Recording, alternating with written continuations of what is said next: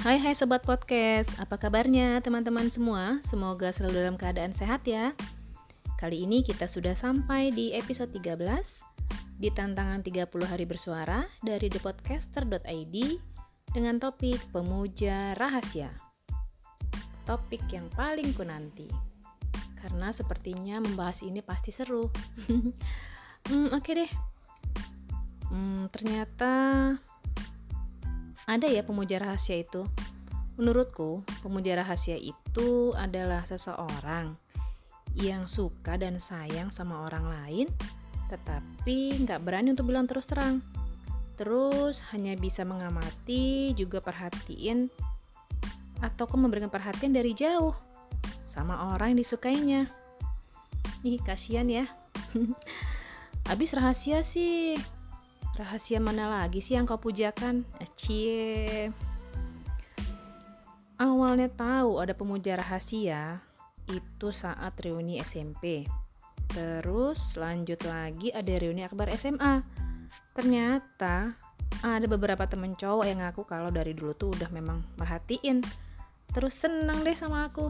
Tapi baru berani jujurnya sekarang tentang perasaannya kalau aku tuh suka loh dulu sama kamu tapi nggak berani bilang. Alasan mereka takut ditolak deh. Takut apalah gitu. Tapi ya kalian tahu dong sokes tahu dong apa ekspresiku. Langsung senyum-senyum ketawa-ketawa. Tapi hati ini deg-degan juga loh. Ternyata dari dulu tuh udah ada yang suka sama aku ya.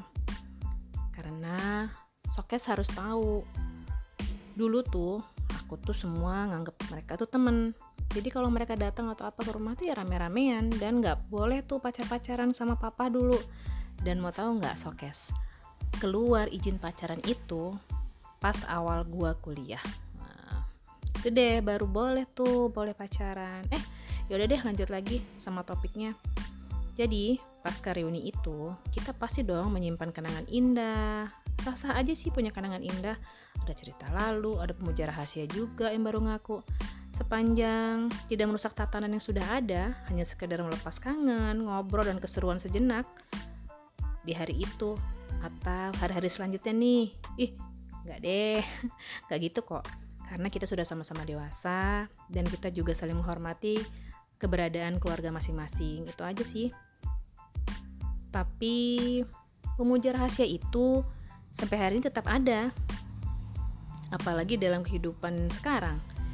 Ya nggak apa-apa sih kita ambil sisi positifnya aja. Kalau menurutku ada yang pemuja rahasia itu bisa tambah semangat untuk kita dalam melakukan suatu hal. Bisa buat kita menciptakan sesuatu yang berprestasi ataupun menambah semangat kita untuk bekerja. Terus itu menambah semangat kita juga untuk datang ke kantor ataupun ke sekolah atau apa pun itu. Ya diambil dari sisi positif saja. Gitu aja sih kita kalau gitu pasti ngerasa dong kalau ada orang yang ngasih ucapan sama kita, perhatiin kita, kita pasti ngerasa kalau mereka itu salah satu dari mereka adalah pemuja rahasia kita. Jadi ingat, diambil sisi positifnya aja dari pemuja rahasia itu. Dan salah satu lagi sokes. Aku tuh seseorang yang menghargai banget apabila orang itu sudah jujur menyatakan isi hatinya kalau dia tuh memang suka dan sayang sama diriku. Tapi hanya bisa mendoakan dari mendoakan aja dari jauh Hmm, jauh di mata tapi dekat di doa ya. Gitu deh untuk memuja rahasia. Di mana pun kalian berada, salam sayang selalu ya.